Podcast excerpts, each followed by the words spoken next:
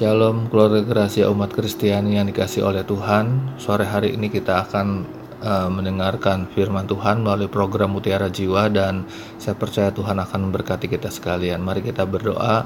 Bapa dalam surga, terima kasih Engkau memberi kami kesempatan pada sore hari ini untuk sebentar akan mendengarkan kebenaran firman-Mu dan Tuhan tolong kami agar kami mengerti apa yang menjadi kehendak Tuhan melalui firman-Mu bagi kami sekalian. Terima kasih banyak Tuhan. Berkatilah kami semua supaya kami semua makin hari makin setia, makin erat di dalam Tuhan, makin sungguh-sungguh melayani Tuhan, makin sungguh-sungguh mengirim Engkau. Terima kasih banyak Tuhan, terima kasih. Kami mau belajar, kami mau dengar firman-Mu hanya dalam nama-Mu saja. Haleluya. Amin. Baik keluarga Gracia umat Kristiani yang saya kasih dalam Tuhan pada saat sore hari ini uh, saya akan menyampaikan firman Tuhan mengenai fokus on track. Uh, fokus itu artinya uh, memberikan perhatian pada sesuatu yang khusus, ya khusus dan mengabaikan hal-hal yang tidak penting. Dan hari ini kita akan belajar kita perlu fokus dalam perjalanan iman kita, kekristenan kita supaya kita makin hari makin berkenan pada Tuhan dan uh, bukan hanya fokus tapi uh, saya mau sampaikan kepada saudara sekalian bahwa kita harus ada di jalur lintasan yang Tuhan sudah taruhkan kita di situ. Keluarga Gracia umat Kristiani yang saya kasih dalam Tuhan, kita akan membaca dalam surat Ibrani pasal 12 dari ayat 1 sampai dengan ayat yang keempat. Firman Tuhan berkata seperti ini. Karena kita mempunyai banyak saksi bah bagaikan awan yang mengelilingi kita, marilah kita menanggalkan semua beban dan dosa yang begitu merintangi kita dan berlomba dengan tekun dalam perlombaan yang diwajibkan bagi kita. Marilah kita melakukannya dengan mata yang tertuju kepada Yesus yang memimpin kita dalam iman dan yang membawa iman kita itu kepada kesempurnaan yang dengan mengabaikan kehinaan tekun memikul salib ganti sukacita yang disediakan bagi dia yang sekarang duduk di sebelah kanan tahta Tuhan, ingatlah selalu akan Dia yang tekun menanggung bantahan yang sehebat itu terhadap dirinya dari pihak orang-orang berdosa, supaya jangan kamu menjadi lemah dan putus asa. Dalam pergumulan kamu melawan dosa, kamu belum sampai mencucurkan darah. Keluarga Gracia umat Kristiani yang saya kasih dalam Tuhan, sore hari ini kita sudah membaca dari surat Ibrani pasal 12 ayat 1 sampai dengan 4 kita melihat bahwa penulis surat ini sedang memberitahukan kepada kita uh, sebagai orang yang sudah percaya kepada Tuhan, maka kita digambarkan seperti ada dalam sebuah perlombaan, ya. Dan dikatakan dalam ayat-ayat yang tadi kita sudah simak di situ dikatakan bahwa perlombaan ini bukan perlombaan apa ya, bukan perlombaan oh boleh ikut atau boleh tidak Nah, tapi di sini katakan bahwa perlombaan ini adalah wajib bagi kita, ya perlombaan yang diwajibkan bagi kita. Jadi mau tidak mau semua orang yang uh, ada di dalam Tuhan itu digambarkan seperti dalam perlombaan. Dan kita membaca dalam firman yang baru saja tadi saya bacakan, di situ dikatakan bahwa perlombaan ini merupakan sesuatu yang sangat penting dan itu sebabnya ayat-ayat ini memberitahu kepada kita supaya kita uh, fokus pada satu tujuan pada satu titik.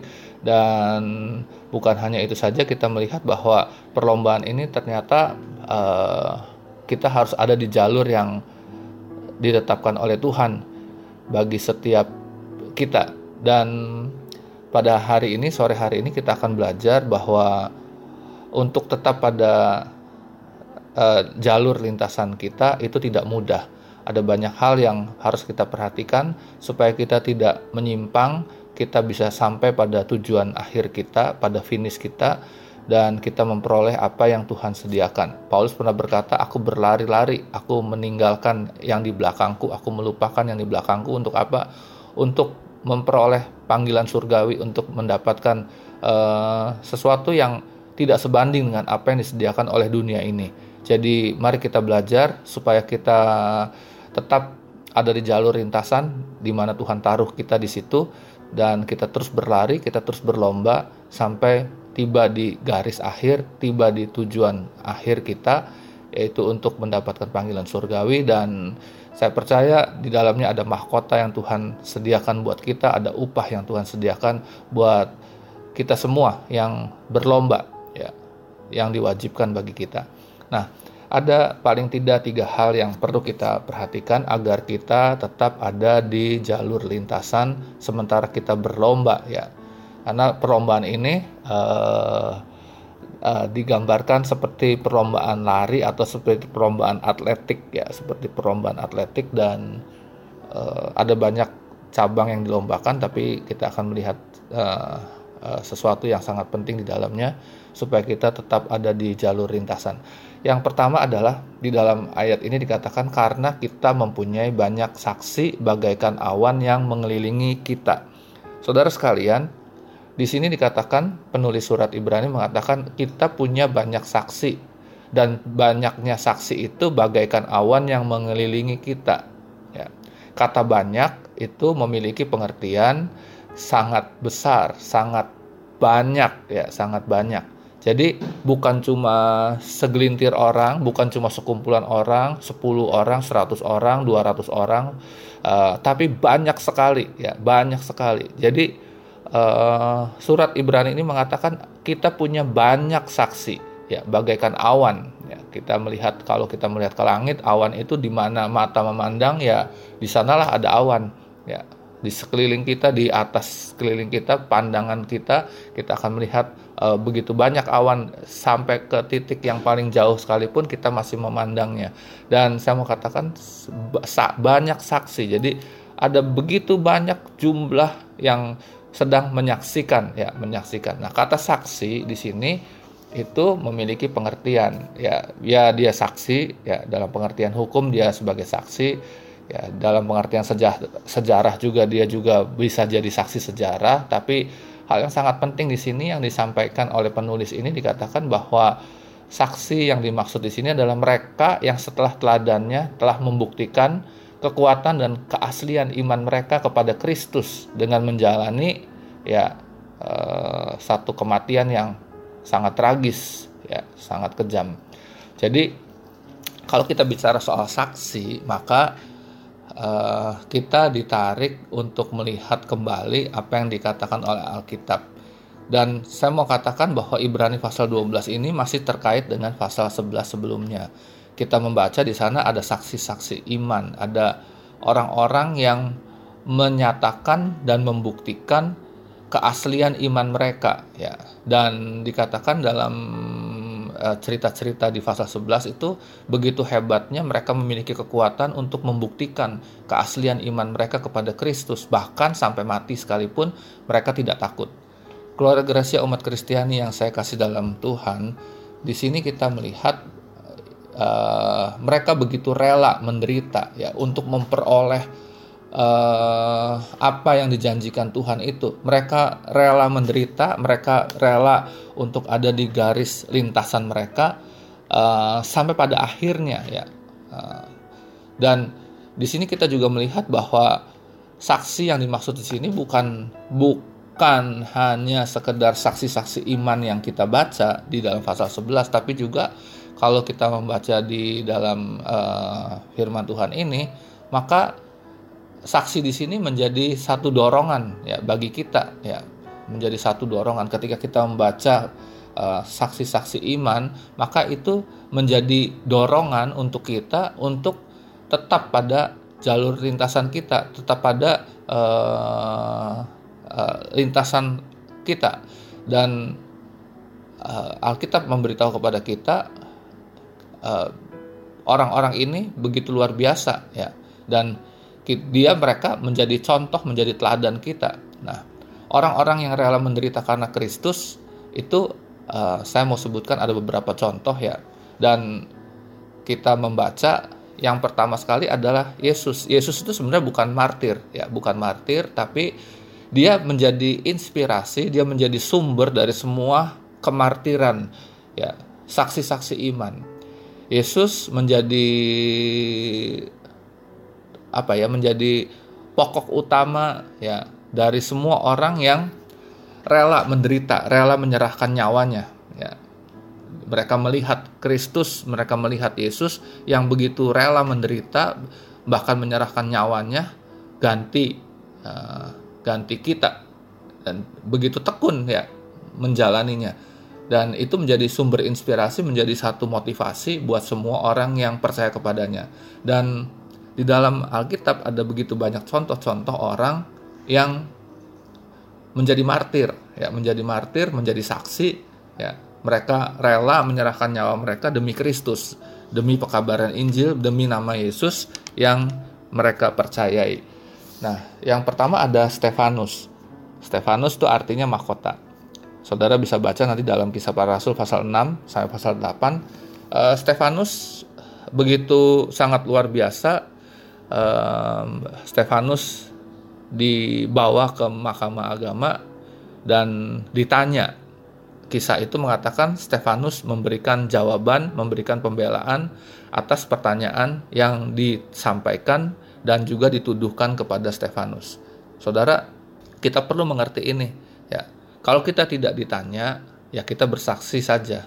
Tidak perlu mengatakan hal-hal yang tidak perlu kita sampaikan. Stefanus ini sangat mengerti bahwa apa yang dituduhkan itu tidak benar dan dia memberikan jawaban, dia memberikan pembelaan sehingga uh, ketika Stefanus ini memberikan jawaban, begitu banyak orang menjadi marah, begitu banyak orang menjadi uh, sangat marah dan menyeret Stefanus itu keluar dan merajam Stefanus itu dengan batu. E, emosi mereka begitu meluap dan Stefanus harus menerima konsekuensi ini. Dan bukan cuma Stefanus saja, ada contoh-contoh yang lain tentang orang-orang yang menjadi saksi, menjadi martir, rela menderita bahkan sampai nyawanya pun dia serahkan. Eh, Yakobus ya Yakobus anak Sebedius juga memberikan nyawanya ya mati dibunuh dengan pedang Filipus juga demikian. Ya, Filipus juga disalibkan, matinya disalibkan dengan salib X. Lalu kemudian juga saudara juga bisa melihat dalam kisah-kisah martir ada juga Matius ya dipancung dengan uh, senjata yang tajam.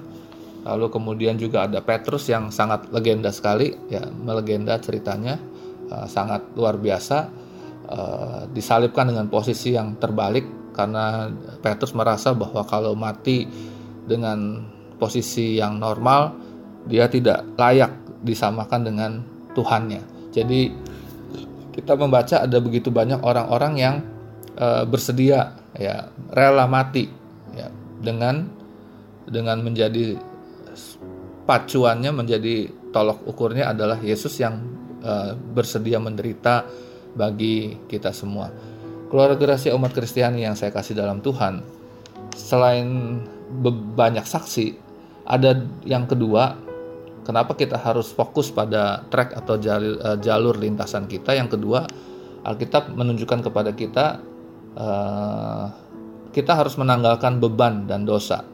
Jadi untuk tinggal pada jalur lintasan kita, bukan hanya karena ada saksi-saksi, ada contoh teladan yang sudah memberi teladan buat kita, dan kita diberi didorong untuk mengikuti contoh teladan mereka. Tapi yang kedua juga dikatakan uh, untuk tinggal pada jalur lintasan kita maka kita harus menanggalkan beban dan dosa. Kata beban ini secara harafiah bisa berarti lemak atau bisa juga uh, berarti berat. Ya, orang yang gemuk banyak uh, lemak itu beban. Ya, tapi uh, saya tidak bahas itu. Uh, mereka yang berpartisipasi dalam lomba atletik Yunani mereka berlari dan mereka mereka me menanggalkan semua beban, menanggalkan semua kalau boleh saya katakan secara harafiah mereka menanggalkan lemak mereka, mereka menanggalkan bahkan e, kalau saudara lihat dalam lomba-lomba atletik e, sangat minim sekali e, pakaian yang mereka gunakan. Seminim mungkin supaya tidak menjadi beban ketika mereka lari ya mereka lari untuk mencapai garis akhir ya untuk untuk berlari tanpa ada halangan tanpa ada rintangan dari baju sekalipun ya jadi kita melihat uh, mereka berlari begitu rupa mereka mereka menggunakan uh, sesuatu yang tidak merintangi mereka dan di sini kita melihat bahwa bukan hanya beban yang diminta oleh penulis surat Ibrani bahwa perlu ditanggalkan, tapi juga dosa. Dosa juga perlu ditanggalkan. Ya, perlu ditanggalkan. Dosa di sini ya ada banyak catatan yang diberikan ya bisa berarti sifat berdosa uh, tapi juga dosa ini juga uh, sifatnya ketidakpercayaan terhadap terhadap firman Tuhan dan terhadap uh, Tuhan sendiri dan juga uh, dosa ini juga membicarakan tentang orang yang mengundurkan diri, orang yang mundur dari Tuhan, orang yang meninggalkan Tuhan.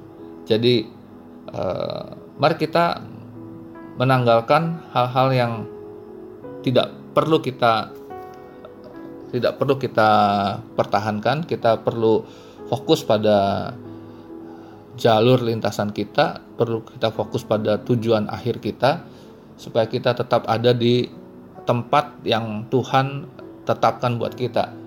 Nah, kata menanggalkan memiliki arti mengacau ya, mudah, begitu mudah mengacau. Jadi rupanya eh, beban dosa itu begitu sangat mengacau, eh, mengacaukan kehidupan kekristenan kita, ya, mengacaukan kehidupan kekristenan kita ada dosa yang berulang-ulang dilakukan dan kemungkinan besar ada begitu banyak orang tinggal di dalam dosa ya tinggal di dalam dosa karena mereka sudah nyaman dengan dosa. Mereka berulang-ulang ada di tempat itu tempat berdosa ya eh, dalam keadaan berdosa.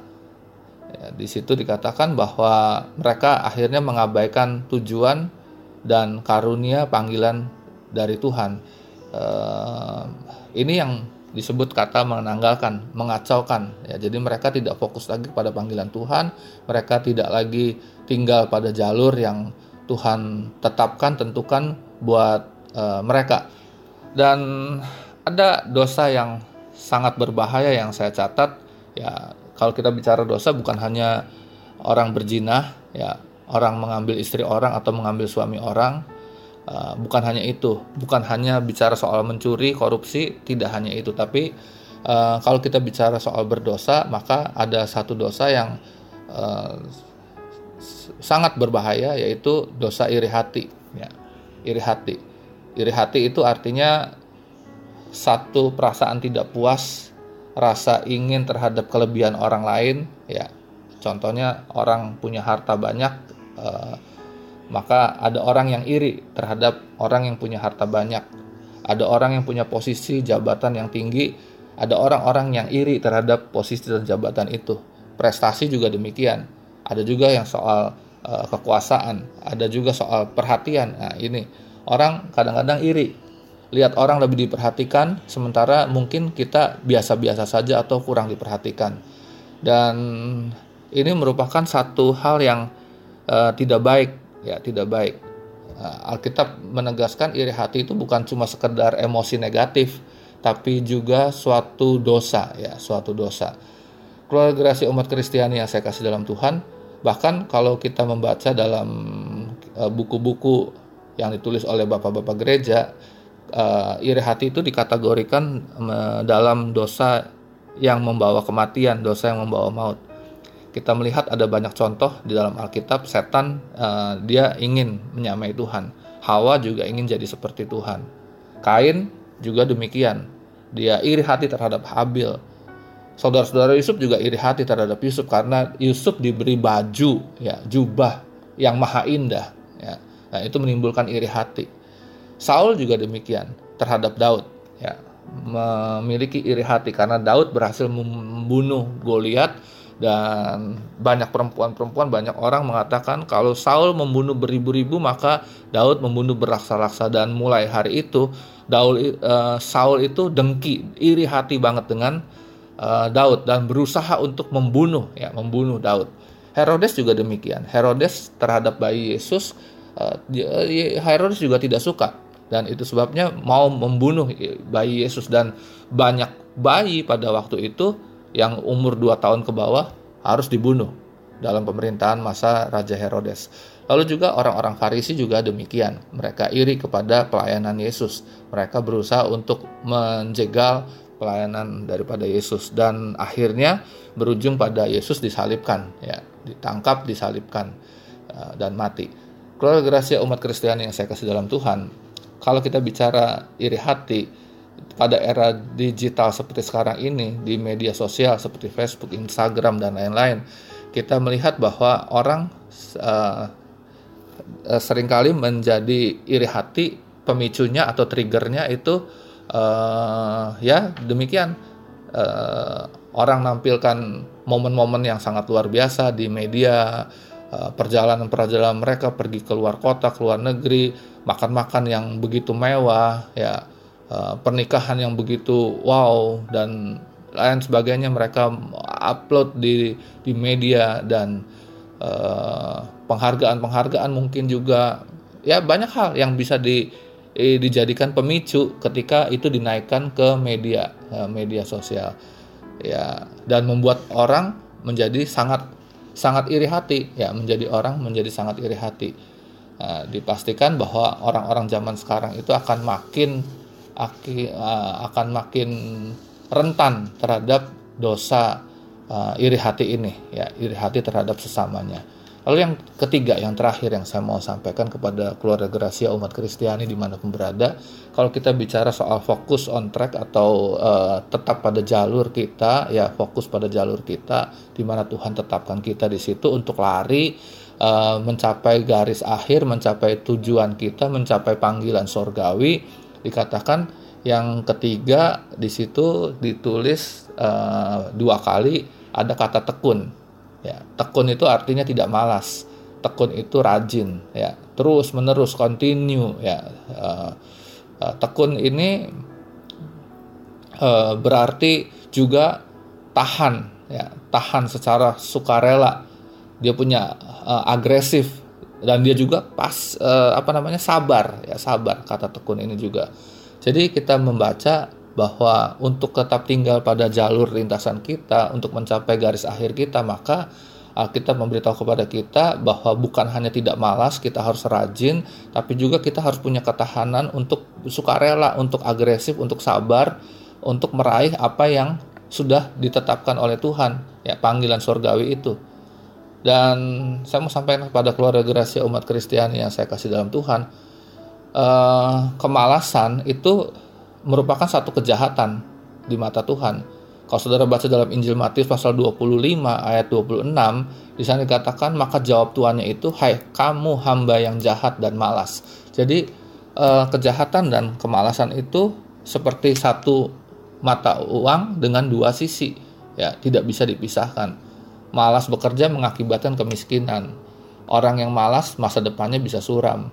Ya, eh, malas itu suram masa depannya dan saya mau sampaikan pada saudara bahwa kita harus mengisi waktu kita untuk melakukan sesuatu yang berkenan bagi Tuhan. Waktu luang yang tidak digunakan secara bijaksana akan membawa kita kepada dosa. Contoh yang sangat gampang sekali atau yang sering kali kita dengar yaitu Raja Daud dengan Batseba. Daud ketika semua orang musim berperang, mereka keluar berperang, Daud sedang ada di atas rumah bangun tidur dia jalan-jalan di suatu rumahnya dan dia melihat Batseba dan terjadilah apa yang dikatakan dosa itu. Ya. Akibat kemalasan menghasilkan dosa dan dosa itu bukan cuma ya uh, dia mengambil istri orang tapi juga membunuh suami orang.